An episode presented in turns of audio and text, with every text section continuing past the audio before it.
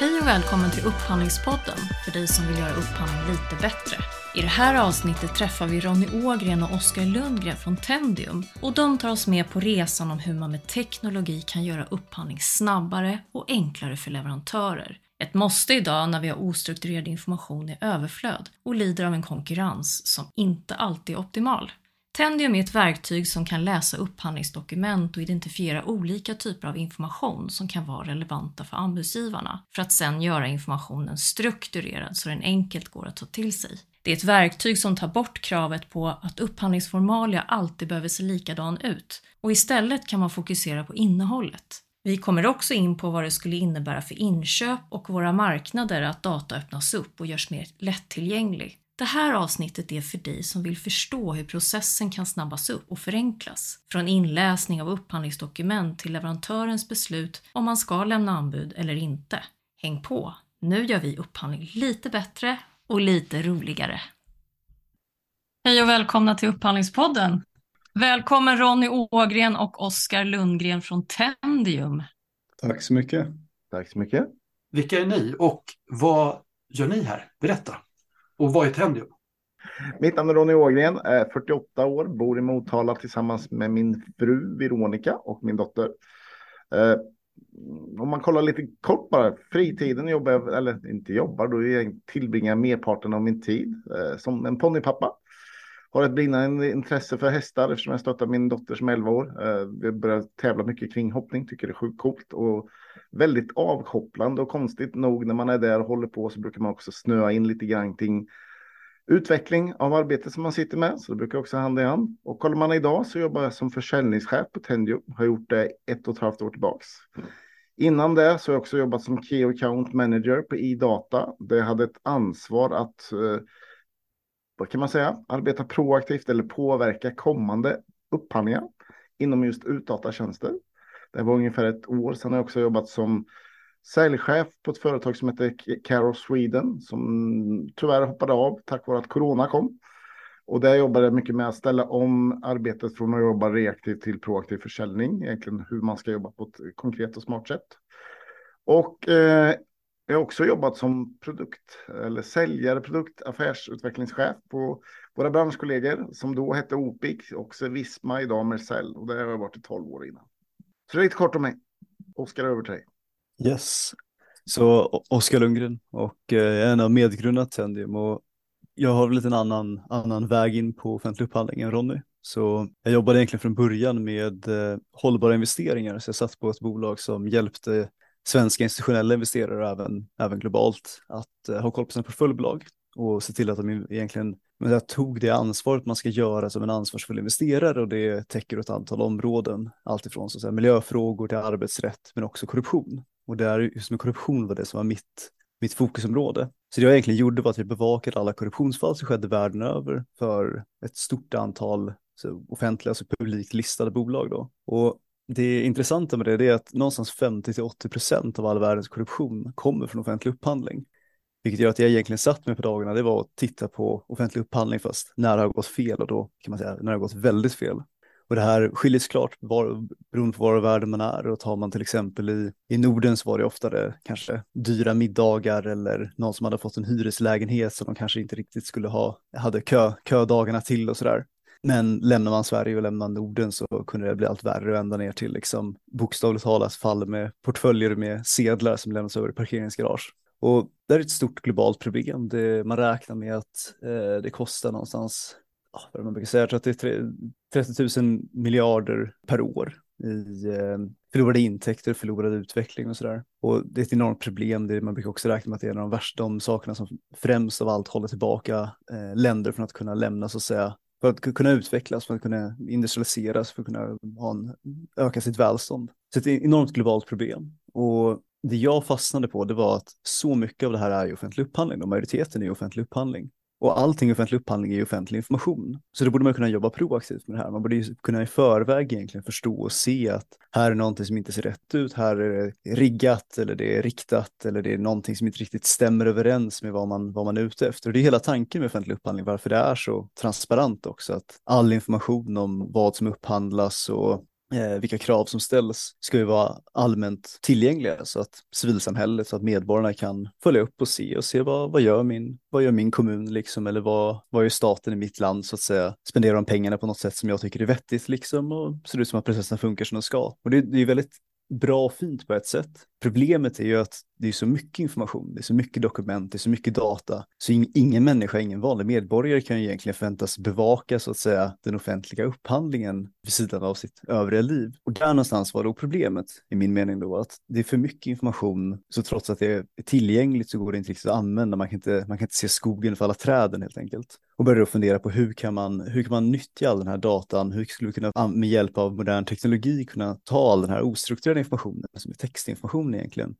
strukturera den, göra den mer tillgänglig, göra den lättare att förstå på någon aggregerad nivå, lättare att analysera. Och där någonstans blev jag intresserad då till eh, den andra grundaren, Hannes, och som precis hade dragit igång Tendium och hoppade på helt enkelt. Och det här var väl då i slutet på 2018 och sen dess har vi då eh, börjat bygga upp Tendium helt enkelt med, med en vision om att göra offentlig upphandling lite enklare, lite öppnare, lite mer tillgängligt, att kunna nyttja den, de enorma teknologiska framstegen man gjort de senaste 20 åren och applicera dem på just offentlig upphandling som är så otroligt viktigt för hela samhällets funktion. Liksom. Det är 17 procent av BNP ungefär. Det är en enorm del av vad, vad, vad man gör i det här landet.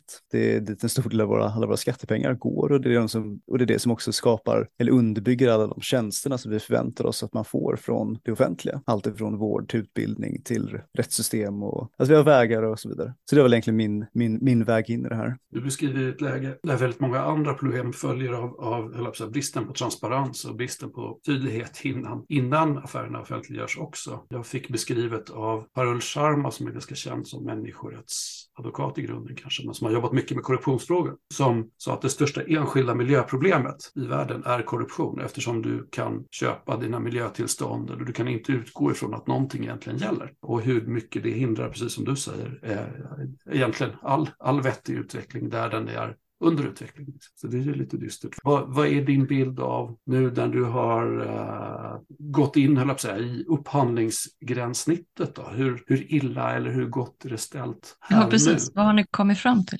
Ja, och det, det är väl en, en, jättebra fråga. Jag skulle säga att både positiva och negativa överraskningar jag hade ju en väldigt positiv bild sen innan så att säga av den svenska upphandlingssystemet och den svenska upphandlingssfären egentligen. För att av alla de här korruptionsfallen jag följde så var ju, en, trots att det var en stor del svenska företag så var det nästan ingenting som skedde i Sverige för att det, det är ganska välfungerande, man har, man har ett högt förtroende, man har en, sen, en syn på korruption och en syn på vad man som eh, anställd i det offentliga ska och bör göra som är väldigt bra och väldigt väletablerad. Och det är på något sätt förvånansvärt vanligt ändå med liksom ett väldigt strikt agerande. Det, det, ja, man, har träffat många personer i det offentliga det här arbetet liksom som, och det är ju nivå att man får liksom inte, man får inte köpa en kaffe till dem för att det, det kan ju anses vara, skulle ju kunna vara en muta så att säga.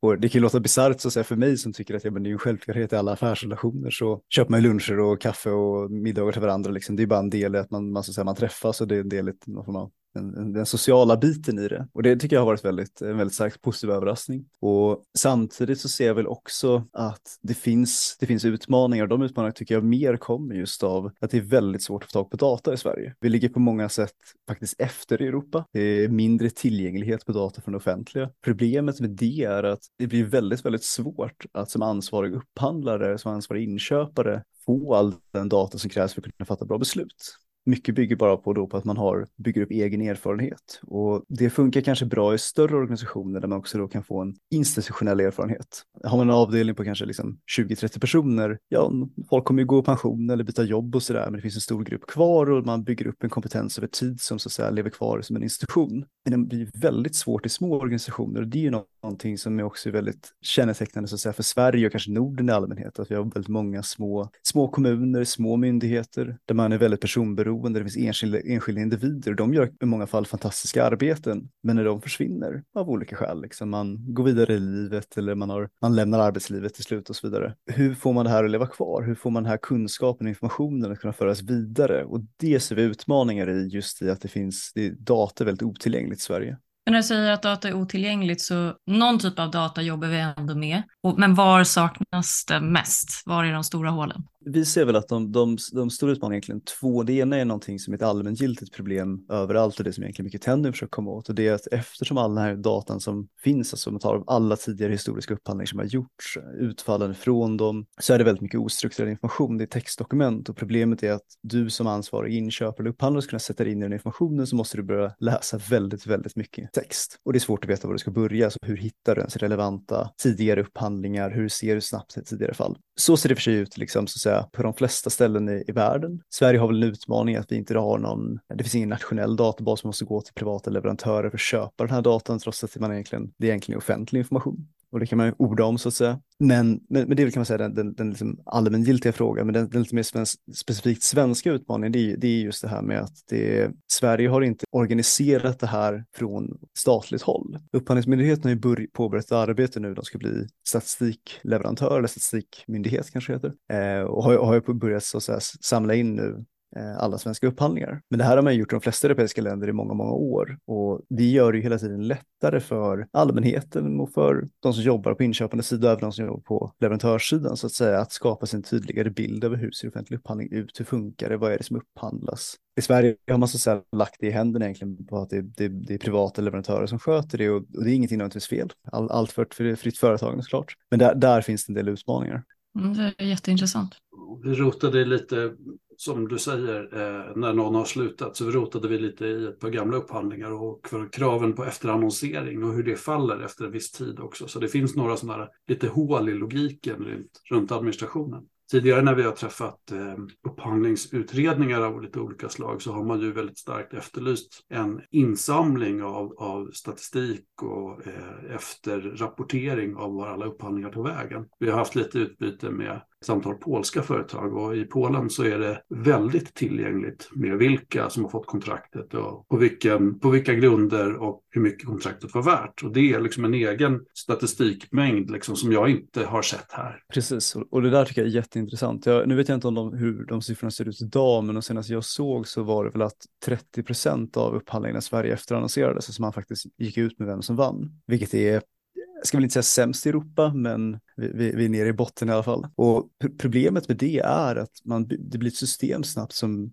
får insiders och outsiders. De som är där inne, de som vet hur det funkar, vet vad man ska göra, hur man ska agera, har redan lagt anbud på massa upphandlingar och deltagit i processer som de inte har vunnit. De får information. De vet ju vilka som la anbud, de vet ju då plötsligt vilka det är som deltar, vilka som inte deltar, vilka deras konkurrenter som är där och börjar få en bättre bild av hur marknaden ser ut. Men de lär sig också alla de andra delarna med att liksom hur man begär ut information och vem man ska kontakta och så vidare för att få tag på egentligen tilldelningsinformationen så att säga. Och det här gör ju att om man som, i synnerhet som småföretagare vill in och sälja till offentlig sektor, var börjar man?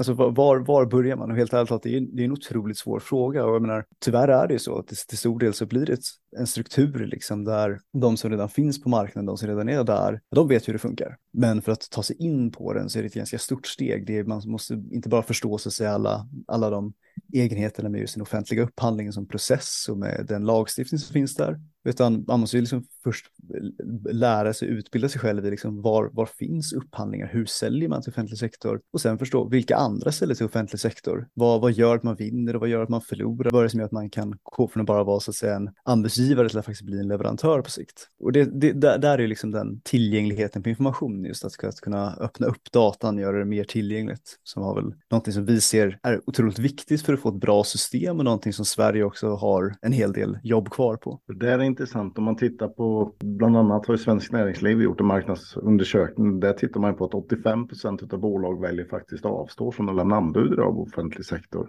Tittar man mycket på det så handlar det mycket om att just dokumentation, kravställning och sånt blir väldigt svårt att förstå egentligen vad de frågar efter. Så jag tror att många idag blir också en myt kring offentlig uppsägning att man tycker att det är väldigt svårt att jobba med. Men kan man då tillgöra tjänster som gör det mycket lättare för leverantörer, precis som Tendium har gjort idag, så tror jag också att det är också en bidragande orsak till att vi får fler företag som faktiskt tycker om offentlig sektor. Att bara kunna se, okej, okay, vad man frågar efter, vilka, jag menar, vad är det som krävs för dig? Okej, okay, vilken kreditvärdighet måste du ha för att kunna lämna anbud? Egentligen okej, okay, om det är roller, tjänster, varor, vad man frågar efter, vad är det för krav på det? Vilken erfarenhet? Om man bara skulle titta på det som leverantör i första hand istället för att gå, försöka gå in på 40 dokument, kanske att det är lite grovt, men då tror jag att vi skulle få fler som faktiskt vågar sig på offentlig sektor i stående anbud också. För vissa saker som du nämner nämner där Ronny är ju också sånt som typiskt sett speglas i en annons eller sånt som är liksom sådana krav som hålls där. Men precis som mm. du säger också så finns det ju en annan typ av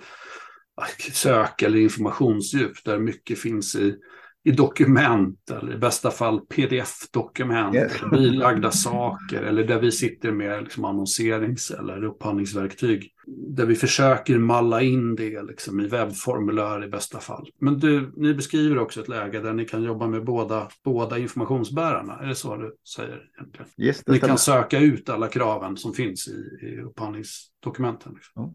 Det kan väl egentligen Oskar flika in lite mer kring hur vi har byggt upp en strukturerad och bra tjänst som både köpare och säljare kommer kunna dra nytta av. Men framförallt idag är det anbudsgivare som nyttjar våra tjänster. Precis, och det, det, det kommer egentligen av, av just den här grundtanken att hur, hur hur kan vi göra datan, hur kan vi göra informationen mer tillgänglig och, och komma runt det här problemet med att det är, det är väldigt mycket information. Och jag vill ändå påpeka det att så här, nu, jag, jag, jag, säger det kanske med en ton av att det är liksom ett problem att det är så mycket information, men det är det ju inte, utan det är ju fantastiskt bra. Det som gör offentlig upphandling så bra och offentlig upphandling i Sverige i synnerhet så bra, det är att man är väldigt transparent. Det, och det är lag, lag på så att säga att man måste informera om allting som gäller upphandlingen, alla krav som ställs. Men man är duktig på att informera, men det blir väldigt mycket information. Och det vi då egentligen gjorde från början, det var att vi började se hur kan man med hjälp av språkteknologi eller AI då få en snabbare förståelse för vad, vad, är, det, vad är det jag tittar på? Så, säga, hur kan jag snabbare identifiera just den, den informationen jag söker efter? Utan att man behöver så att säga påverka processen, för processen i sig är, är inte dålig, den är ganska bra. Och det är det vi egentligen tycker. Vi tycker offentlig upphandling är bra. Vi tycker att det funkar på många sätt väldigt bra, men se hur kan vi med vår teknologi så att säga göra det lättare, snabbare och enklare. Och då i första hand har vi fokuserat på, på leverantörssidan. Så det vi gjort då är att vi har tränat modeller som kan läsa igenom upphandlingsdokument och helt enkelt identifiera olika, olika delar, de här olika segment, olika stycken och förstå, men här, här pratar man om just det här kravet, här kom information om vilka referenser som man behöver, eller här kom information om vad det är för miljökrav och så vidare. Och kunna plocka ut det.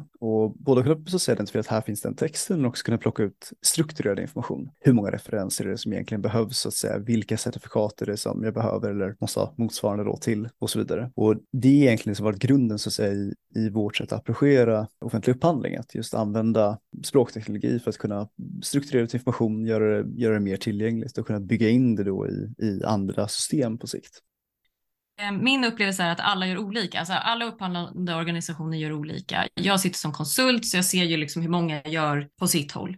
Vissa är väldigt noga med att lägga in allt i strukturerade dokument i de här digitala systemen, alltså Kommers och Tensign och så vidare. Och också i vissa system är det uppbyggt så att man bifogar dokument, lite som Magnus sa, det här med pdf och man, lite Excel och lite Word-dokument och sådär. Och förutom att det är massa olika informationsformat, så även om det är liksom exakt samma typ av inköp, så skriver man helt olika saker, har olika språk och sådär. Så hur ska vi göra för att bli datadrivna eller liksom skapa ett datadrivet informationsflöde? Och det jag också ser att många upphandlande organisationer, mycket det här är, är liksom överbelastade. Man har för lite resurser för att göra allt det som man behöver göra. Och det kan ju vara så att man, okej, okay, vi behöver ta oss över den här bulken för att sen få mindre att göra. Vad skulle du rekommendera att upphandlande organisationer börjar någonstans med någonting enkelt? Om man ska börja med en sak och alla börjar med samma sak, vad kan vi uppmana de upphandlande organisationerna att börja med så att alla gör lika? Öppna upp data. För det, det jag, tycker, jag tycker det är verkligen slut på spiken här med så här den, den utmaningen. Alla, alla har olika processer, man har olika bakgrund. Jag menar, det, det gäller inte bara organisationernas bakgrund utan också på individnivå. En del kommer in från en klassisk så att säga, inköparroll och kanske har gjort det på privat sektor och sen glider in och gör det i offentlig sektor. Andra kommer mer från ett, en juridisk bakgrund och har kanske först haft ett så att säga, egentligen juristansvar för upphandlingsprocessen och sen börjat jobba direkt som upphandlare. Och alla organisationer skiljer sig. Det är svårt att göra en standard som ska gälla både när Trafikverket ska bygga Förbifart Stockholm och när man ska så att säga hyra in sjuksköterskor till liksom, det lokala sjukhuset. Väldigt svårt att hitta en sån standard och det är väldigt många personer med väldigt många olika bakgrund och vi vill ju inte ta bort den variationen egentligen. För det är också så att om man, om man, nu zoomar jag ut lite grann här, men om man tar så lite historiskt perspektiv på hur, hur man så att säga, utvecklar system så har det tidigare alltid varit så att man har försökt standardisera, man ska försöka få in alla att jobba i samma mall på samma sätt, göra exakt likadant hela tiden, man skriver på samma sätt, man ska jobba i strukturerade dokument och man ska försöka liksom återanvända allting hela tiden så det ser likadant ut. Och det funkar ju bra när du har typ tillverkningsindustri, vi ska bygga liksom en T-Ford, den ska se likadan ut hela tiden, det ska inte vara någon variation. Det blir vansinnigt när vi upphandlar liksom allting ifrån så att säga stridsflyg till eh, liksom renovera skolbyggnader till att liksom, eh, köpa in mediciner. Det är väldigt svårt att standardisera till den graden och jag tror också att det finns risk att man tappar så att säga, innovationsmöjligheten då. Och det vi ser det är att det som har hänt nu rent teknologiskt är det att man har gått från att man var tvungen att bygga system som där man tvingade folk att jobba på standardiserat sätt till att vi med teknologi kan standardisera i efterhand. Det vill säga vi kan ta upphandlingar som kommer i olika format, i olika, det kan vara pdf och word-dokument och det kan komma strukturerade dokument kan vara skrivet på olika sätt, med olika syfte, med olika språkbruk. Och ändå så att säga utifrån det skapa strukturer som ser likadana ut så att jag som leverantör förstår varje gång vad jag tittar på. Och för att göra det så behöver ju så att säga data vara tillgänglig. Och nu är vi kanske så att säga de enda i Sverige som riktigt jobbar på det sättet idag och kanske de enda i Europa. Men det tror vi kommer ändras och vi kommer nog ändra snabbt. Det kommer komma fler aktörer som, som gör liknande grejer. Och för att liksom säga, kunna uppmana och stödja den innovationen på marknaden så krävs det, så är det egentligen en sak man kan göra det är att öppna upp datan, göra den mer tillgänglig. För ju tillgängligare den är, ju lättare blir det för andra aktörer på marknaden att bygga smarta lösningar runt det här. Och det tror jag är, så att säga, är, det, är det viktigaste man kan göra från, från den offentliga sidan, det är att öppna upp datan. För gör man det, då behöver man inte fundera på att, så att säga, vi ska skriva exakt likadant som alla andra som skriver upphandlingar. För att det är, det är, det är många processer, det är många upphandlingar, det är många myndigheter och vi, vi tror inte att det är rätt väg att gå. Vissa saker ska standardiseras, men det är svårt att standardisera någonting som är så brett och komplext som offentlig upphandling egentligen är. Så det man kan säga att en upphandlande myndighet kan göra är när man handlar upp ett upphandlingssystem så kan man kravställa det med att man vill ha öppen data. Exakt. För, det, för i grunden så är det så att det här är ju offentlig information. Det är ju, och som upphandlad myndighet så, så, säga, äger man den och som en del av den offentliga sfären så, så, så är det här i allmän handling, det är någonting som så tillhör allmänheten. Och att bara göra det lättare så att, säga, att, att, att dela den och öppna upp den. För då kan fler företag som, som oss men, och andra men även så att säga initiativ från det offentliga, initiativ från civilsamhället hjälpa till att göra smarta lösningar runt det här. Och då, då får man hela tiden, då skapar man liksom en, en bra grundbädd för innovation och det är det vi tror är det viktigaste egentligen. Det kan jag flika in, jag som jobbar mycket med anbudsgivare och leverantörer idag, det är så otroligt häftigt att se. Häromdagen fick jag ett samtal och ett mejl från en som hade hjälpt att komma igång som jobbar inom sårvård och det som var lite coolt med dem att tack vare att vi egentligen går igenom dokument, skannar och gör det sökbart så faktiskt att normalt sett kom det ut en upphandling kring sårvård som de tyvärr skulle ha missat för upphandlaren. Idag är det inte alltid lätt för upphandlare och rubriksätta på okej, okay, vad är man för rubrik och vad är det för olika kategorier och underkategorier man ska upphandla. Men i det här fallet så var det som så, då fick hon träff på de här ordet som var väldigt viktigt för henne i dokument. Det gjorde att hon hittade den här upphandlingen när vi visade systemet. Och det intressanta var en månad efter fick hon tilldelningsbeslutet som visar på att de vann, även om de hade bara två dagar på sig att lämna anbud. Men det som är intressant är också där man ser att deras vanligaste konkurrent som alltid lämnar anbud fanns inte med. Vad beror det på? Tror? Det kan vara att man kanske inte hittar den här tack vare att det inte alltid är så jäkla lätt att hitta all sån här information i dokument. Så med ny teknologi så öppnar man ju också upp det faktiskt för fler anbudsgivare som ska också ha möjlighet till att vinna fler och hitta rätt affärer. Så vi har många intressanta case där. Vi har hjälpt många anbudsgivare faktiskt till att vunnit affärer värda miljoner som de normalt sett aldrig skulle hitta. Ja, och det där är ju så man kan ju se världen från väldigt många olika håll. Alltså det, dels eh, indirekt då från upphandlarens sida att få in eh, fler anbud och främja konkurrensen, vilket är sjukt viktigt, absolut. Men framförallt då från leverantörssidan att, att hitta det här och och möjlighet till fler affärer. Verkligen. Och, och jag skulle nästan flika in där också att jag tror en, en sak är också det här att, att få in leverantörer eller anbudsgivare som kanske inte annars hade lagt anbud.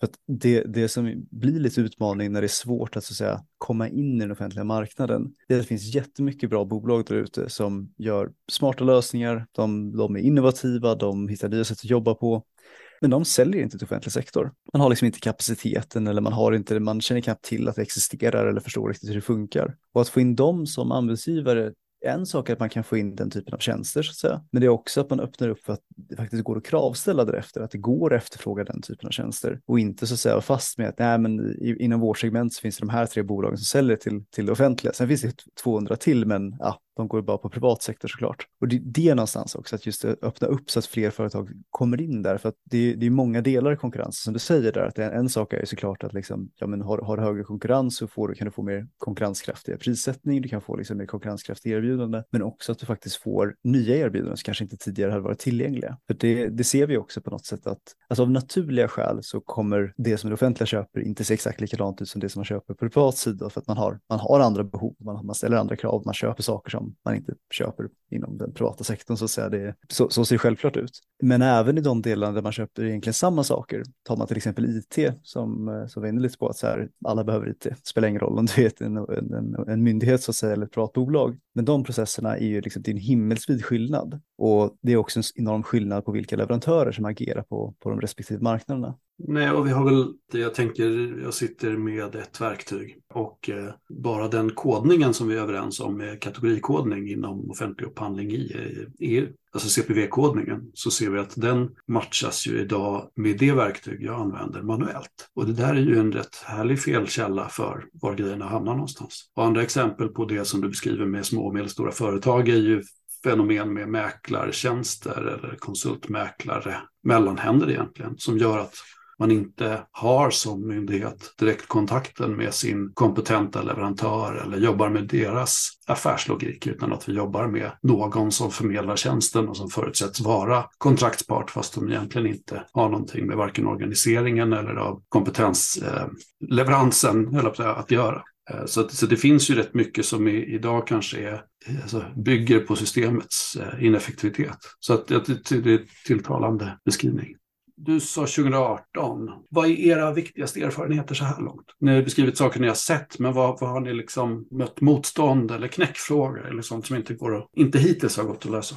Ja, jättebra fråga. Så jag tror en, en av de största, jag ska inte säga att det var det kanske mest förvånande, men en av de sakerna som jag, jag har ett stort intryck på mig har varit hur positiva har varit till det vi gör. Och det är inte bara från leverantörssidan utan faktiskt i synnerhet från det offentliga. Att man, det, det, det finns verkligen en, stor tilltro till att liksom det, det, det, finns ett utrymme för innovation, att det kan göras väldigt mycket smarta, tas fram mycket smarta lösningar, liksom, att man kan göra mycket för att förbättra processerna, göra det enklare och det enklare att köpa in och för att få just högre konkurrens och mer konkurrenskraftiga anbud och så vidare. Och det har liksom mottagits så pass positivt och det var väl någonting som jag kanske var, så att säga, innan vi riktigt kom igång, eh, inte riktigt hade förväntat mig, utan att det skulle kanske finnas lite motstånd så att säga mot att eh, ja, men man, man, man jobbar på ett visst sätt, det det är tidskrävande, det är tungt arbete liksom, här ska inte någon komma och liksom röra runt så att säga i grytan. Men, men, men det har vi inte alls upplevt, utan det har varit otroligt positivt mottagande hela tiden. Men om man tänker de, de utmaningarna skulle jag säga att den, den största är att vi är främst aktiva i Sverige, men vi har vissa aktiviteter utanför och vi, vi breddar oss nu på nya marknader. Och det mest genomgående det är att ingenstans är det så svårt att få tag på data om offentlig upphandling som det är i Sverige. Det är liksom absolut svårast här. Och det är lite förvånande. Jag har ju liksom alltid haft en bild så att säga, att men det är klart att Sverige är liksom ledande på digitalisering och ledande på öppenhet. Vi har en offentlighetsprincip som är kanske saknar motstycke nästan i hur, hur, hur, både hur djupt rotad den är men också att det faktiskt är grundlag. Liksom. Att vi, vi har liksom, det är så djupt etablerat konceptet med att man alltid har rätt. Att det, det finns liksom inget organiserat varken så att säga att det, inte, det finns inte en nationell annonsdatabas så att säga allting måste publiceras det, det finns inte av olika skäl så efterannonserar man inte särskilt mycket i Sverige och det finns olika strukturer som också gör att det finns en del organisationer som måste upphandla men inte måste följa offentlighetsprincipen och tyvärr då i, inte i alla fall men i många fall rakt av väljer att helt enkelt inte dela data därför. De behöver inte berätta, det finns ingen, de kommer inte bli tagna av polisen om de inte gör det så då gör man det inte. Och det här är ju, ser vi som väldigt, väldigt skadligt för de organisationerna själva egentligen på, på lång sikt. Att liksom, öppnar man inte upp informationen om offentlig upphandling, ja då är det väldigt svårt att bygga innovativa lösningar runt det. Och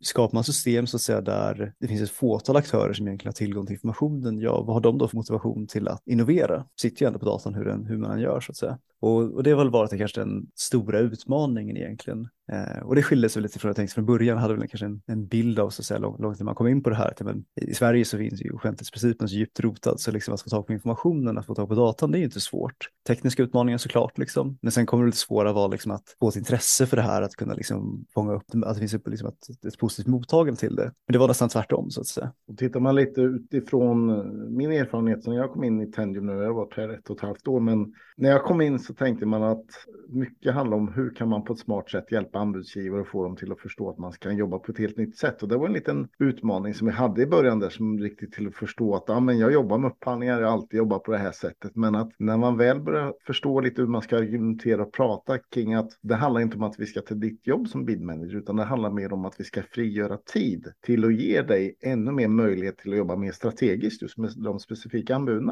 När vi hittade den nischen idag så var det betydligt lättare till att börja få en dialog. Så idag börjar man märka att då förstår sig många på Tendium på ett helt annat sätt än vad man gjorde tidigare. På grund av att man använder ny teknologi till att frigöra mycket tid och framförallt hitta fler affärer också. Ja, men kan inte du beskriva lite vad det är man gör som anbudsgivare som, och, och också peka lite på de här skillnaderna då utifrån ett traditionellt speed manager arbetssätt? Om man tittar traditionellt idag, som man jobbar mycket att, eh, jag menar, du får en upphandling till dig. Traditionellt så ska du då titta på, okej, okay, jag ska screena igenom och se vad är det egentligen de frågar efter. Då kanske du behöver gå in och kolla, annonsen kanske inte alltid räcker att se, det kanske inte räcker med den korta beskrivningen, utan du måste in i alla de här dokumenten. Eh, många gör ju som så att man kanske har en viss rutin som sitter i ryggmärgen att du ska titta efter, ja, det ska vara referenser eller vad är det för vara och tjänst eller vad, finns det någon viten, skadestånd som jag behöver tänka på, allt det här som ordinarie man söker efter manuellt. Och stora skillnaden är att, eller sen kan man väl också titta på att det handlar också om att när du får den informationen då ska du dela med den till andra kollegor.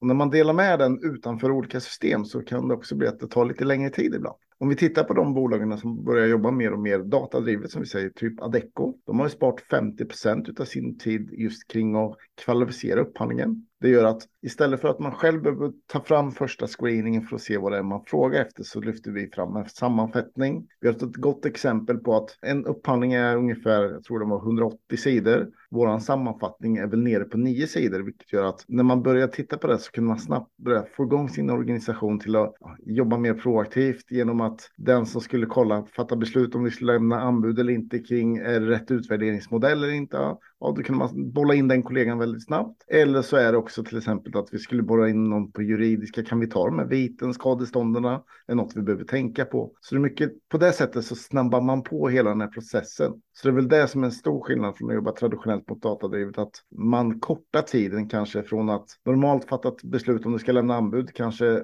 på, till, från fem dagar eller tre veckor eller vad det nu kan vara, eller två veckor till faktiskt egentligen dag tre så har du nästan gjort det faktiskt. Tack vare att man jobbar på det sättet.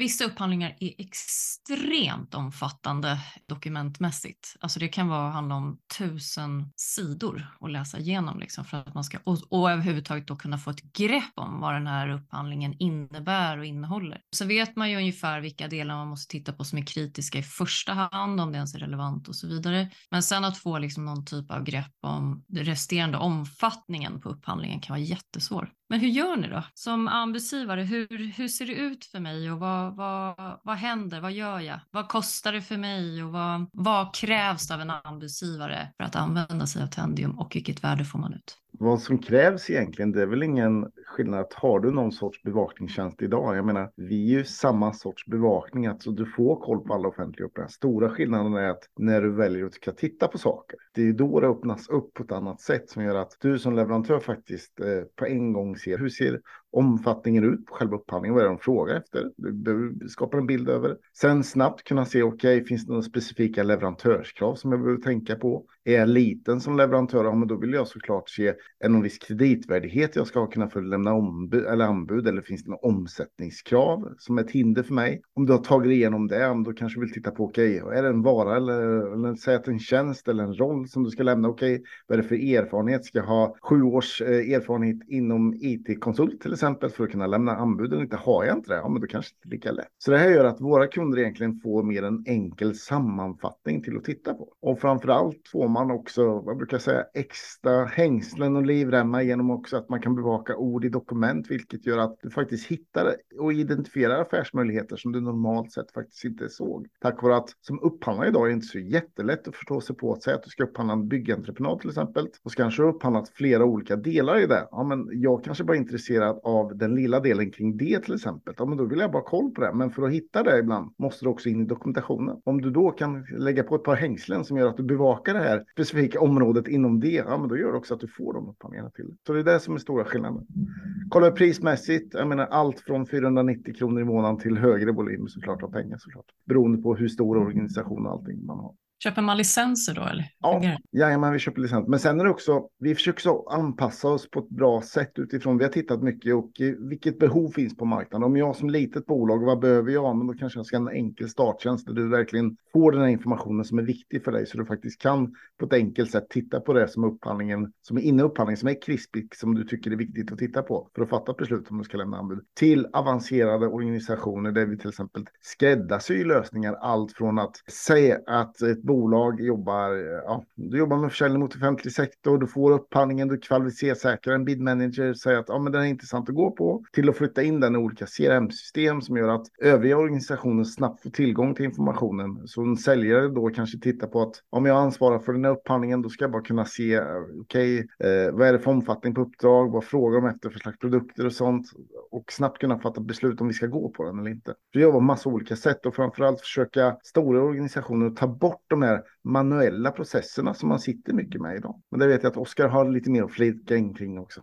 Absolut. Nej, men man kan väl säga liksom i, stort att det, det, vi någonstans tänker är för att vi, vi har byggt en tjänst som så att säga, ska kunna hjälpa alla företag egentligen som säljer till offentlig sektor. Och där har vi såklart då satsat en del på att kunna hjälpa större organisationer. Där har man eh, mycket att vinna så att säga. De, de tar också en, en, stor del av den offentliga upphandlingen idag. Och där, för du, du frågar lite vad, vad får man för värde? Jag menar, nej, är, vi, är, det en, är det en billig tjänst? Och så här, nej, det är det inte. Eh, vi, vi, vi försöker inte egentligen fokusera så mycket på det, utan fokusera på just vad det andra för det, vad det för värde vi skapar. Vad får jag för pengarna? Liksom? Är det, ska generera här ett högre värde? Och där ser vi att det, det gör det absolut. Det är allting ifrån att man så att säga, identifierar de affärerna som man annars hade missat till att man lägger resurser på rätt affärer på de där man faktiskt kan komma med konkurrenskraftiga anbud och inte bara skickar in det för att man redan hade påbörjat att skriva, liksom, vilket tyvärr kanske händer lite för ofta. Men också att kunna ge bra underlag för att se var, var hittar jag nya affärsmöjligheter? Var någonstans borde jag lägga mina resurser? Var kan jag jobba så på ett bra sätt med den offentliga sidan för att kunna ta fram ännu bättre upphandlingar i framtiden. För att kunna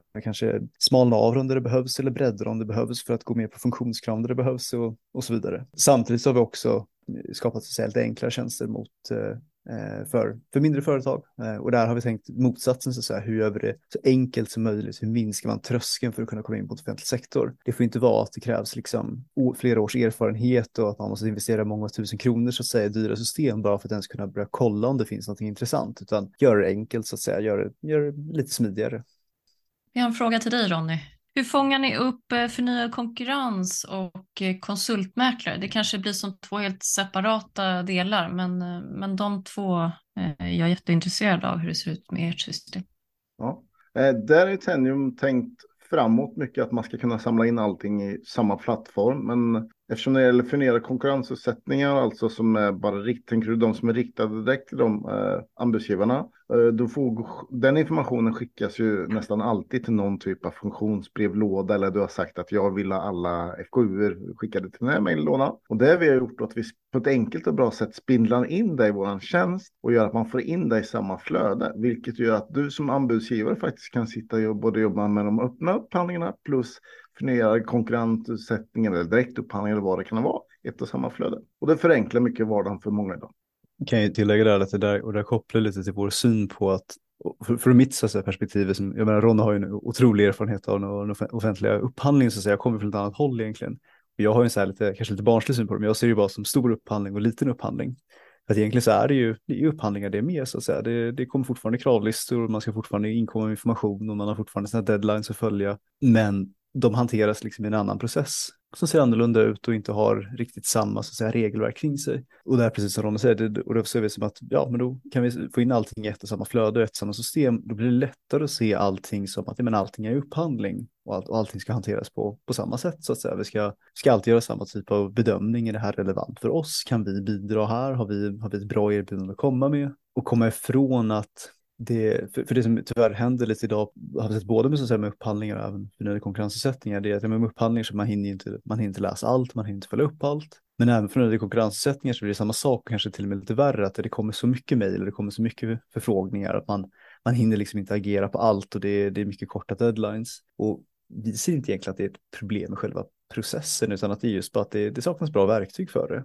I grund och botten så är det så att Outlook är inte ett liksom, ett smart arbetsflöde. Det är en, en mejllåda där man ska mejla varandra från. Och istället för att vi då återigen ska behöva bygga komplexa system som alla på den offentliga eh, sidan måste följa och sen då i sin förlängning kanske då även alla konsultmäklare och så vidare och så vidare i alla led.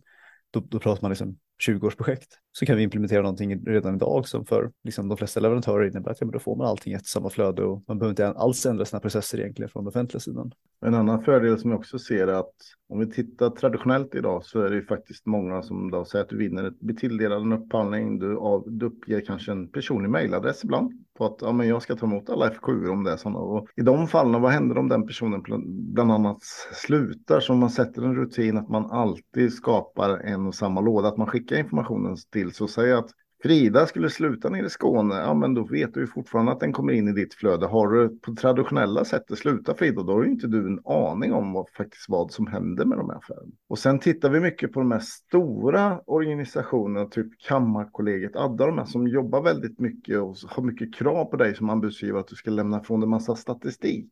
Då är det väldigt bra att få in allting i samma flöde på grund av att då kan du faktiskt börja nyttja statistiken och att vi då bygger molnetsystem som gör att du på ett enklare sätt ska kunna ha koll på vilka lämnar jag på, vilka valde jag inte lämna på och skriva in varför jag inte valde lämna. Även kunna lämna in eller skriva in vad var affären värd så man på ett annat sätt ska kunna följa upp statistiken och kunna leverera den informationen tillbaks. För det förenklar ju också vardagen. Men det är någonting vi håller på att utveckla mer kring, eller hur Oskar? Ja, exakt när vi pratar information och tillgänglighet och sånt där, ser ni några risker med, med eh, delning av informationen? Eller så här? Är det, här, det känns inte som ett gränssnitt som är särskilt riskabelt eftersom all information ska offentliggöras och ska kommuniceras. Men, men har, ni, har ni sett någonting som är konstigt i informationsmängderna eller något som är känsligt? Självklart, jag menar, någonstans som jag alltid har det perspektivet av att jag menar, det, det här är ju grund stenen så att säga för, för he, hela den, det, det, offentliga i Sverige. Och där finns ju känslig information såklart. Och det är både så att säga på en, eh,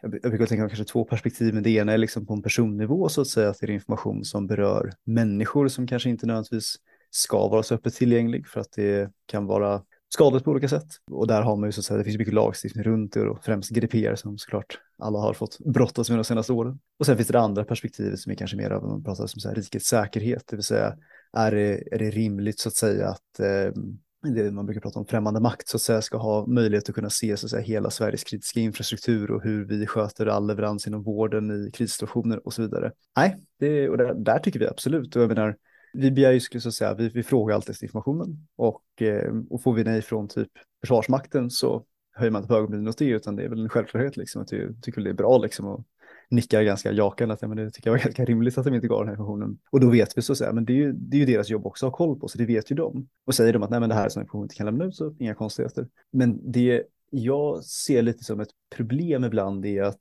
det kanske finns en viss så att säga, okunskap. Man vet inte nödvändigtvis vad, vad som är känsligt och inte. Det är svårt att fatta de besluten. Jag tycker att det är ganska omständigt. Jag, nu har jag själv inte varit jobbat som upphandlare, men jag skulle ju säga att det måste vara väldigt utmanande hela tiden och fatta de här så att säga, besluten om vad som ska sekretessbeläggas hela tiden. Vad, vad får man lämna ut, vad får man inte lämna ut, så att säga, vad kan vara affärskritiskt och inte. Och där tycker jag man lägger ett otroligt tungt och stort ansvar på, på enskilda individer så att säga, i, eh, på, på myndighetssidan att fatta de här besluten löpande. Och där tror jag att man skulle kunna göra mycket bättre processer och bättre system för att förenkla det, för att det, det är en utmaning. Och det som det tyvärr kan resultera i det, då, det är att antingen man lämnar information man inte skulle lämnas ut, eller att man så att säga försöker att hålla igen så att säga, att göra, göra det lite svårare för att det är liksom, har man inte lämnat ut det kan man åtminstone inte ha gjort något skadligt så att säga. Problemet med det blir ju att nej, det kanske inte är jätteskadligt i det enskilda fallet, men han, blir det sen process, blir det system, så att det är system att man då inte lämnar ut information annat än man liksom, så att säga, någon vrider om armen på en. Då får man ett, ett samhälle plötsligt där den offentlighetsprincipen inte riktigt fungerar, där informationen inte riktigt är tillgänglig. Och där ser vi att vi, man kan göra väldigt mycket och det är en, så att säga, en dialog vi också gärna är en del av. Liksom, hur, kan vi, hur kan vi hjälpa till att eh, göra det enklare så att, säga, att fatta de besluten. Vad, vad ska vi lämna ut och vad lämnar vi inte ut? Så att det blir ett pålitligt och rättssäkert system där man vet att ja, men är det allmän handling som ska lämnas ut så ska det lämnas ut. Och är det av olika skäl på grund av eh, personuppgifter eller på grund av säkerhetsskäl sånt som inte eller att det är affärsinformation som inte ska lämnas ut, ja, då ska det inte lämnas ut. Men det får inte vara så att det ibland lämnas ut, ibland inte, eller till vissa lämnas ut men inte till andra. För då får man plötsligt system som inte alls fungerar utan där det bygger jättemycket på relationer och kontakter och vi tror ju, jag ska säga, vet ju att det är inga portföljer med Pemi-sedlar som lämnas över i Sverige för att få, få tillgång till data. Men problem blir det ändå så att säga om det inte, om det inte fungerar på samma sätt hela tiden.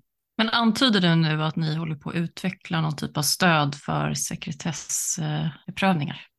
Vi, det är ingenting vi just nu sitter och utvecklar, men eh, vi har varit inne på området mycket. Eh, vi är inte en jätteorganisation, så vi har inte haft resurserna än så att säga, men vi ser väl att det finns ett behov av det och att det, det skulle vara något som skulle göra det mycket, mycket lättare. Jag menar, den enorma så att säga tiden och kostnaden och det arbete som krävs från, från det offentliga för att hela tiden fatta de här besluten över vad man får lämna ut och vad man inte får lämna ut är ju enorm och någonting som vi vill minska. Vi vill göra det lättare, göra det enklare och där kommer tillbaka till den här frågan med öppen data för att det lättaste sättet att slippa det, det är ju att lämna ut informationen själv strukturerat från början. Så att säga att öppnar man upp informationen och säger att nej men det här är data vi kan lämna ut, vi kan alltid lämna ut information om alla upphandlingar, om alla tilldelningar men lämna ut den så är det ingen som sitter och begär ut den hela tiden, slipper man ju det. För ju mer information som finns öppet tillgänglig, ju mindre information begärs ut. Och det, där kommer tillbaka till det här som jag var inne på lite tidigare, att Sverige har liksom bästa offentlighetsprincip i världen och ändå är vi faktiskt ganska kassa på, på öppen data jämfört med, med stora delar av Europa. Och det blir väldigt dyrt. Det blir väldigt kostsamt och det blir väldigt jobbigt också för, för alla som jobbar på den offentliga sidan. Att man, å ena sidan måste man lämna information, och å andra sidan finns det inga system för att göra det. Så att det blir ju,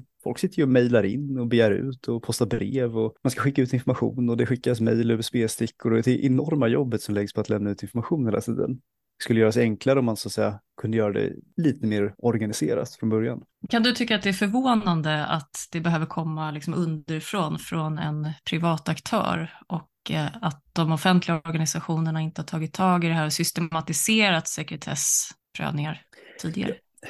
Ja, jag, jag, tycker väl kanske i grund och botten att det här till stor del, Sverige har ju så att säga, man, vi, vi, vi försöker ju lägga ut mycket så att säga, ansvar på, på enskilda myndigheter och på, på lokal nivå, så att säga, på, på kommuner. Och det är något som är väldigt positivt, det, det gör ett eh, på ett många sätt ett mer demokratiskt system där man har närmare så att säga till, till makten eller till politiska, liksom till själva styret. Det, är inte en, det finns liksom inte en, en stor statlig organisation så att säga i en plats i landet utan man kan liksom gå till sitt lokala kommunhus, liksom man, det, det, det, det är nära så att säga. Men det är också vansinnigt att lägga ansvaret på att systematisera det här på 290 kommuner, 20 regioner och ett antal hundra statliga myndigheter. Det finns väl tror jag 4 000 myndigheter i Sverige som upphandlar på ett eller annat sätt. Ska alla de på enskild nivå så att säga systematisera hur man sekretessbelägger vad man lämnar ut, hur man lämnar ut, hur man sköter öppen data? Nja, då har man, och, då och det, det, blir ju vansinnigt och därför, därför görs det inte. Så jag tror inte jag ser det som att min förväntan är att man liksom på enskild myndighetsnivå borde ha listat ut det här, utan att det snarare saknas så att säga ett, ett politiskt driv, att det här, det här är någonting som egentligen så att säga, ja, sen om det behöver stiftas i lag eller om man kan sköta det på genom andra så att säga processer, processer det, det, det finns folk som kan svara bättre på än jag, men att jag tror att det finns ett behov av att systematisera det och att det ansvaret känns vansinnigt att lägga på så att säga en enskild upphandlare att systematiserad, liksom, det, det, det, ingår ju inte så att säga i arbetet, hade man kanske till och med begått tjänstefel om man la all sin tid på att försöka systematisera sekretessbeläggning när man har som ansvar att, så att säga, upphandla på dagarna. Men det är som du säger, jag tycker att det, du beskriver ett, ett, ganska stort värde av att få en systematik i det och få en metodik i det. Det tar ju eh, eh som verkande i ett, vad ska man säga, i ett offentligägt bolag som egentligen inte har som huvuduppgift att vara myndighet utan som har i uppgift att, att eh, åstadkomma någon form av leverans till, eh, låt vara då en professionell grupp, men eh, en, en, grupp medborgare eller stödja i sin tur en, en grupp medborgare liksom, som, som använder, ja, i mitt fall då skolor och sådär. Så är det ju på något vis hela den här tillgängliggörande processen är ju ganska betungande. Och, och tittar man på hur man gör i praktiken idag, om man bara går ner på liksom anbudsdelar, så finns det sådana problem med eh, att maskera enskilda uppgifter eller delar av informationen som sker så oerhört manuellt idag för att få den processen någorlunda säker. Och precis som du säger så är det olika typer av beslut som fattas vid olika tillfällen. Men de besluten är, eller de besluten, eller den lagstiftningen är förstås helt rimlig utifrån ett myndighetsutövande och utifrån idén om offentlighetsprincipen. Men som blir lite opraktisk i ofta köpande organisationer med leveranssyfte kan man säga. Så. Verkligen, jag håller, helt med och jag skulle också vilja tillägga där att det är någonting som jag har reflekterat mycket över det är att vi har en lagstiftning som är från typ 1700-talet. Och den var ju liksom på något sätt gjord för att man skulle kunna liksom gå till så att säga typ den lokala ståthållaren det kunde vara ungefär och, och få, få, få de öppna böckerna så att säga och visa men vad, vad är det ni egentligen håller på med. så att det finns en öppenhet och transparens. Och det funkade ju bra så att säga innan informationsåldern när mängden data var ganska begränsad och mängden i människor var ganska begränsad, antalet myndigheter var ganska litet. Men som det ser ut idag med den enorma mängden data så blir det helt vansinnigt så att säga att, man, att människor som ska administrera det här och sekretessbelägga och hämta ut, plocka ut dokument och skicka vidare och behöva gå igenom konstant. Och även tycker jag att jag tycker sekretessbeläggning har lite utmaningar, som, och nu är inte jag expert på det här området, men, men så som jag har förstått det så är det egentligen så att man ska göra en ny sekretessbedömning varenda gång som någon begär ut. Och det blir vansinnigt. Men herregud, att man inte ens, att man inte ens ska få liksom göra det en gång och sen vara klar, utan det är liksom inte nog med att folk begär ut information hela tiden, utan till och med om de begär ut samma information så ska man göra samma bedömning igen. Liksom. Aha, nu kommer jag återigen fram till samma beslut och ska sitta och maska data och hålla på. Och där tror jag att liksom, mer systematik, mer processer och, och till stor del öppna upp mer data från början för att också slippa att det behöver efterfrågas så mycket. Och säga att liksom, ja, men är det information som ska tillgängliggöras, men då hittar vi sätt att tillgängliggöra den redan från början. Så det blir mycket mindre som man så att säga behöver komma efterfråga som, som medborgare eller som företag så att säga på vägen. Men det måste väl bli också, om vi tittar på er, både Jessica och Magnus, att säg ni som sitter på upphandlarsidorna, om jag som anbudsgivare då får för mig att ja, men jag ska fasken, hur, det här anbudet de skrev för två år sedan, min konkurrent, det vill jag hämta ut. Och då betyder väl då enligt den lagen som är idag att ni också måste fatta ett nytt sekretessbeslut utifrån även om det gjordes för två år sedan för att se, okej, okay, har det skett några förändringar? Här? Ja, eh, jag ty det tycker jag är en bra aspekt på det också. För att det kan ju vara så att information har olika värde eller är olika känslig vid olika tidpunkter. Eh, och det tycker jag man ser i just anbudsprocesser och ser i de fall som framförallt eh, anbudsgivare önskar att vissa uppgifter sekretessbeläggs. Om det är kopplat till antingen en kompetensbärande organisation som är del av ett erbjudande eller en del av ett företags internt kvalitetssystem, en sån typisk fråga också. Eller prislistor som summerar in till ett, någon form av anbud. Alltså har man ju kanske lagt lite olika prisstrategier för olika komponenter ingående i en sån. Och i den specifika upphandlingen och i kopplat till eventuella överprövningsprocesser och omtag i en sån upphandling så skulle man kunna tänka sig att vissa sådana uppgifter är känsliga så länge den upphandlingen skulle kunna leva eller pågå. Medan två år senare så är det ju klart att de uppgifterna är kanske mer av historiska referenser för framtiden eller hur såg eh, statistiken ut för det givna tillfället. Liksom. Så jag kan ändå tycka att det finns en, en relevans i det, men hanteringen av det och idén om det borde kanske, precis som Oskar också var inne på, jag vet inte, relateras till någon form av informationsklassningsidé som ju finns i andra sammanhang, snarare än att det är ett enskilt beslut vid ett enskilt tillfälle när man får en enskild fråga, för då är ju just offentlighetsprincipen det styrande. Liksom. Men det är väl också om man flikar in på nästa heta potatis, mycket som diskuterades, att avtalsuppföljning. Om, om jag som kära anbudsgivare förlorar en upphandling och så är det något pris som är sekretessbelagt. Okej, okay, hur fasken ska jag kunna veta att de verkligen uh, säljer för det priset som är? Ja, men det är okej, okay, jag beställer ut fakturer, men det kanske inte alltid heller är så jäkla lätt. Och det kan tänka mig som upphandlare inte så lätt att ni ska börja följa upp saker och ting då kanske heller jämt och ständigt. Men fakturaaspekten är ju intressant tycker jag och tittar man på det så kan man ju ha en, i alla fall en allmän uppfattning om att vad den offentliga verksamheten faktiskt betalar ut och till vem är ju en ganska, bör ju vara en ganska tillgänglig uppgift. Liksom. Och kopplat vidare till frågor om att till exempel stävja välfärdsbrottslighet eller stävja korruption så är det ju viktigt att det som är avtalat är det som också utbetalas någonstans. Liksom. Så jag tror att idén om att tillgängliggöra de avtal som är tecknade när det väl är status är inte så komplicerad. Om den inte rymmer särskilda tekniska frågor eller sådana bitar. Men det går ju att sekretessbelägga enskilda uppgifter. Så jag tycker det är ett jätteintressant område just för att det drar så mycket resurser och att de aktörer som finns på marknaden idag höll säga, säljer uppgifterna, men arbetet tas fram av handläggare av, av offentliga tjänstemän som ska gräva i, i arkiven, höll jag på säga, och skicka ut det där och lägga allt annat åt sidan. Så det blir en hyggligt ineffektiv eh, process och en in, ineffektiv organisation. Jag och Jessica har tjatat om det här mycket, och hon säger så här, men vad har ni gjort för att effektivisera det? Det borde inte vara så svårt. Ja, säger jag, det är omständigt. För det bygger på en annan logik. Så jag tycker att det är ett jättebra område om vi kunde hitta en tillgänglighet och en smidighet i det. Mm, för jag tänker det också att med, med tanke på alla dessa IT-verktyg, alltså möjligheter man har med att läsa in data, det borde vara en no-brainer idag, tänker jag, att, eh, att sköta det här effektivt, automatiserat och digitaliserat. Men som sagt, det bör ju komma någonstans ifrån ett direktiv att det ska göras, så att resurserna finns och tillsätts någonstans. Så kanske blir en uppmaning härifrån då till politiken att eh, se över det här innan det blir alltför kostnadsdrivande. Och, och, det tycker jag är ganska intressant om man ska koppla tillbaka till det. Det är så väldigt mycket kopplat till offentlig tjänstutövning och upphandling som ju är väldigt synliga och väldigt tydliga processer. Så sitter man och på något vis analyserar processerna i sig så är de, man behöver inte eh, jobba med maskininlärning eller AI för att få dem på, på pappret utan de är så oerhört regelstyrda i sig men hanteras så väldigt manuellt idag. Så bara steget framåt att få en, en, en mer maskinell process är, är tror jag, ett, ett effektivitetsvärde där vi kan jobba med analysen istället. Liksom. Ja, det är intressant. Mm, nej, men alltså jag, jag saknar lite det här med konsultmäklare också. Ronny. Kan inte du, täcker ni upp för den delen också när det gäller konsultmäklare? Eller, eller blir det en svår, är det ett svårt gränssnitt? För de är ju kanske inte bara på den publika sidan utan de kan ju även vara på den privata tänker jag. Hur ser ni på det och hur jobbar ni med konsultmäklare?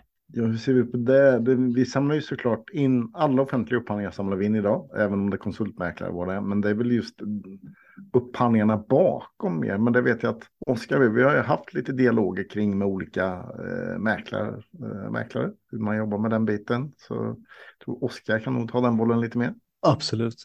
Nej, men jag, jag skulle säga först och främst att det, vi, vi har ju den lösning som vi pratade om tidigare för att hantera förnyade konkurrensutsättningar eh, och avropsfrågningar. Den funkar ju för alla typer av avrop på FKU och vad det nu kan vara, direktupphandlingar och så vidare, sånt som egentligen kommer via mail. Så för våra kunder så fångar vi in även det som kommer när de, om de då så att säga säljer via en konsultmäklare så får de in allting i samma flöde. Sen så är det klart att absolut, en, där kommer en stor del som också är privata upphandlingar. Men det intressanta är att de har ju då haft samma problem även med dem så att säga, att det, det, det, det saknas liksom bra, bra systemstöd för det. Så vi, det, det täcker vi in, men, men just från vårt perspektiv var att nej, men, saker, marknaden ser ut lite som den gör och strukturerna ser ut som den gör. Och på sikt kanske vi kan på längre sikt så att säga titta på en del systemförändringar och sådär.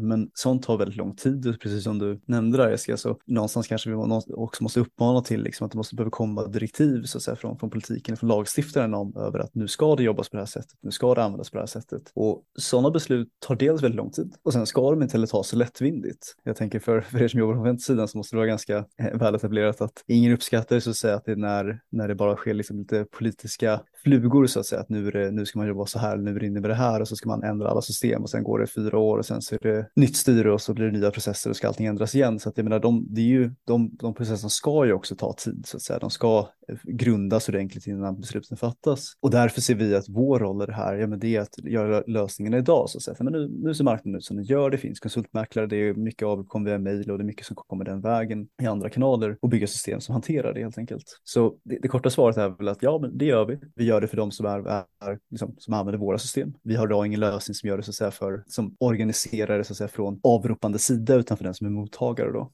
Men det är väl så vi gör med allt egentligen. Vi, vi bygger in, nödvändigtvis inte lösningar för att publicera upphandlingar utan för att upphandlingar publiceras på olika kanaler, olika sätt så att säga. Då, då samlar vi in dem. Bra. Vi kanske behöver knyta ihop det lite. Oskar och Ronny, vad känner ni att ni saknar och vill sammanfatta? Jag tycker att ni har, ni har pratat om mycket mer än det jag ens hade kunnat föreställa mig.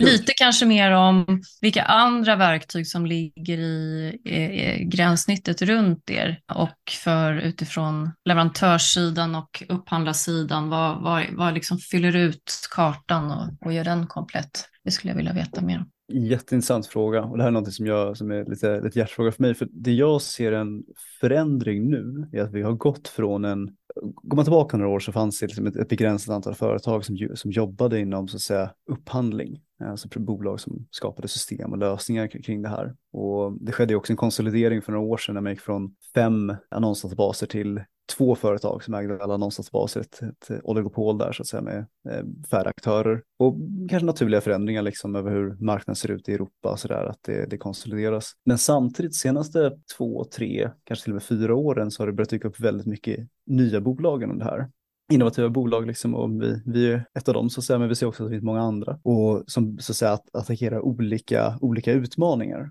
Och det kan vara allting ifrån så att säga, upphandling inom väldigt smala segment inom eh, säga, life sciences till liksom, upphandling av bygg eller upphandling av mat eller vad det kan vara, liksom, att det finns mycket, mycket bolag som dyker upp och gör väldigt specifika lösningar inom så att säga, industrisegment, men också som angriper olika delar i processen. Vi jobbar ju så att säga inom segmentet egentligen främst för leverantörer från det att upphandlingar publiceras, hela processen fram till att man ska skicka in sitt anbud och sen att kunna få den här marknadsöversikten för att identifiera var finns nya affärsmöjligheter så att säga, var, var borde jag lägga mina resurser så att säga, vilka myndigheter borde jag prata med, var sig att man till exempel kan få en, eh, ha, komma och hjälpa till att utbilda inom så att säga, nya lösningar, nya sätt att köpa in på.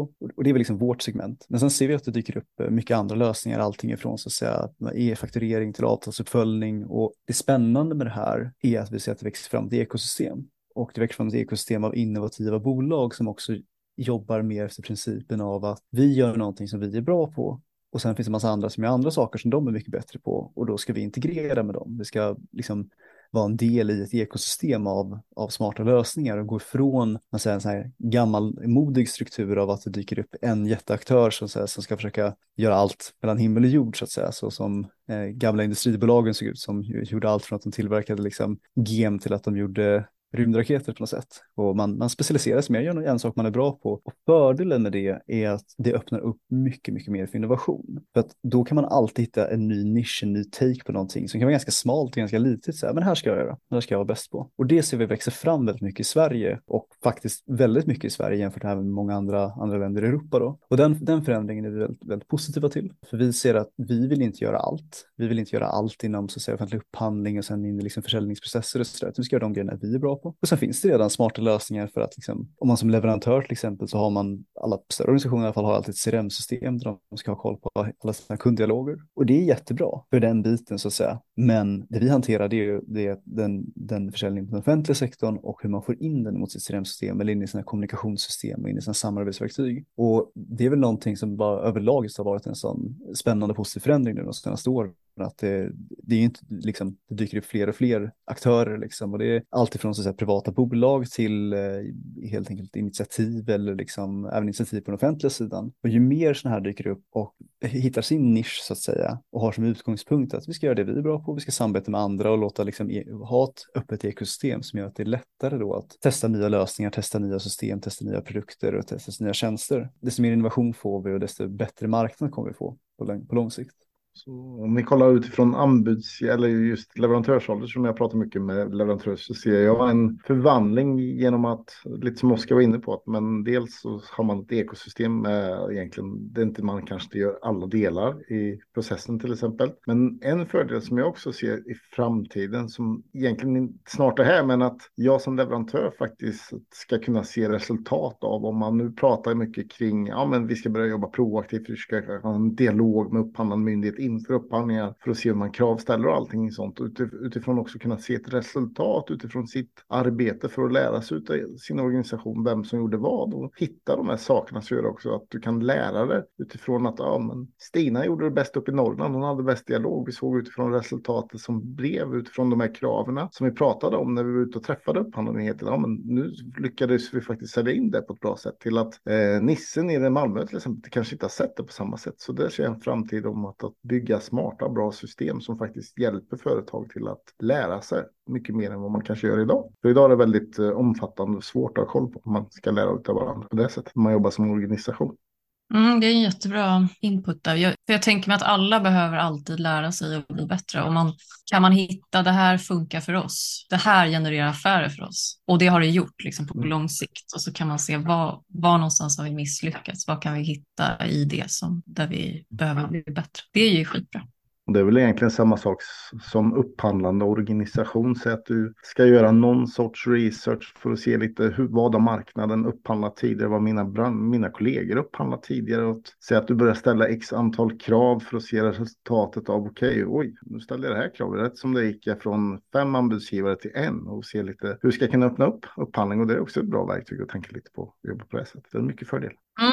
Magnus, har inte du några fler frågor? Jag tycker jag har fått svar på jättemånga frågor. Vi har inte pratat så mycket om det nu, men det kanske finns, ja ni nämnde CRM-system förstås och uppföljningen och själva leveransen och samarbetet är ju ett område som alltid hamnar lite i skuggan av de formella upphandlingsprocesserna, men just som egentligen på något vis är det som skapar värde på riktigt liksom någon slags förädlingskedja. Och, och, det kanske vi får återkomma till vid något tillfälle. För det vore spännande att ha med sig tankesätten in från det här. Där vill vi tänkt lite på hur anbudsgivarnas perspektiv så har väl vi mer eller mindre byggt in ett, vad kan man säga, ett litet mini-CRM-system egentligen som gör att du har koll på vilka affärer du har, eh, vart du befinner dig i olika processer och sånt. Så det hjälper faktiskt många företag idag till att ha koll på sina avtal och sånt som man har ute idag. Och så kunna märka upp vem som äger avtalet. Så, för jag menar, slutar någon då är det lätt att eh, saker och ting försvinner, att man börjar tappa avrop och sånt. Och då är det viktigt att man inte gör det. Så då kan man också ha koll i vårt system faktiskt på ett bra sätt. Men det är någonting som ligger under utveckling med. Jag skulle nästan vilja tillägga där också att en, en, annan del som vi jobbar med det är ju just hur man, hur man tar det vidare. Så att säga. Efter man har vunnit sin upphandling så ska det här ut i organisationen och man ska utföra ett uppdrag också